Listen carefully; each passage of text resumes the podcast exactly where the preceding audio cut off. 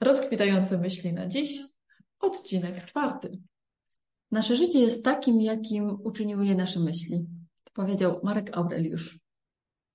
To, że Marek Aureliusz był cesarzem rzymskim, filozofem, ale też pisarzem, myślę, że większość nas wie.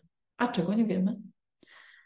Może nie wiemy tego, jakie były jego do końca poglądy. Na pewno uważał, że umiar życiowy jest jedną z najważniejszych e, wartości w życiu, którymi się kierował, czyli dążył do tego, żeby ten umiar życiowy był myślą przewodnią w jego życiu.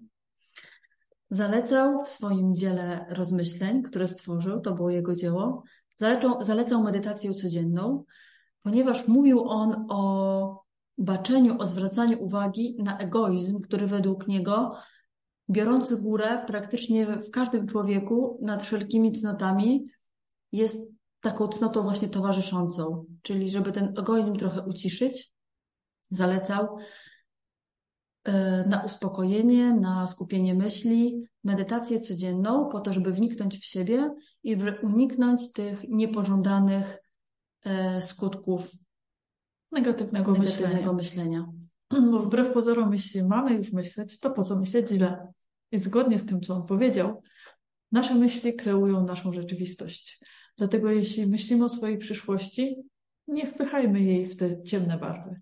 Myślmy o tym, jakby to wszystko, co sobie zaplanujemy, się spełni. Bo jeżeli będziemy tworzyć plany takie, które mają się nie spełnić i bojkotować będziemy na każdym etapie, to ich nie osiągniemy. To są nasze cele, nasze plany i to tylko od nas zależy, do którego momentu je doprowadzimy. I warto pamiętać o tej wewnątrz sterowności, czyli o tym, żebyśmy to my zarządzali swoim życiem, a nie żeby to życie rządziło nami. Jeżeli w życie wkrada nam się bardzo dużo emocji, które się w nas wytwarzają, to zarządzanie tymi emocjami jest niezwykle ważne. I medytacja codzienna, zarówno jak i wizualizacja, o której mówiłam, wizualizacja bardziej do planów, natomiast medytacja pomaga nam zagospodarować sobie w sobie te myśli.